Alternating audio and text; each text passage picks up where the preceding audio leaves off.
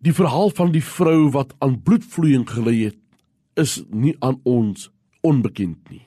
En weet jy in Markus lees ons van die vrou hoe dat sy gely het en niks meer het haar gehelp om genees te word nie. Sy het al haar besittings verkoop, maar geen baat gevind nie. Inteendeel, sy het erger geword.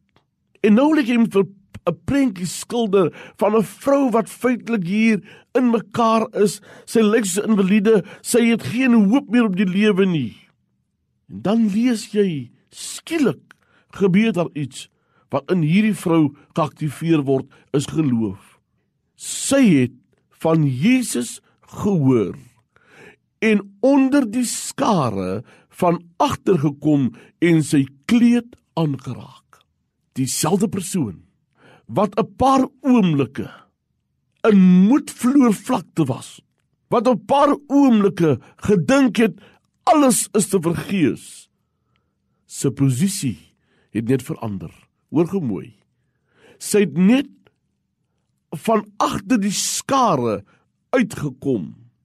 Hier gaan ek dood Hier gaan niemand my deel nie. Hier gaan niemand na my omsien nie, maar as ek net my posisie kan verander vir die een oomblik, is hy magteloos.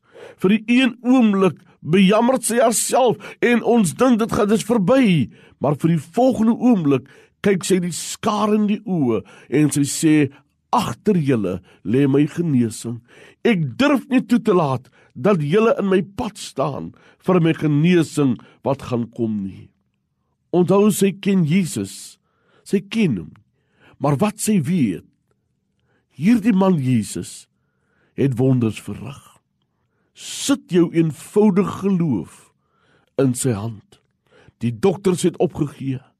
Maar weet jy wat? Sy begin glo. Sy naam is soos balsem vir my.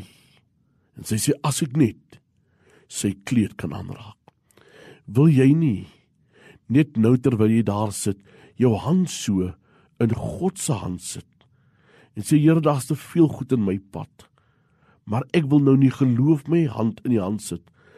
Dankie pappa dat u my nie verbygaan nie dat u nie my gaan verstoot nie. Ek is seker u gaan omdraai. Here dankie. Daar is hoop vir my army.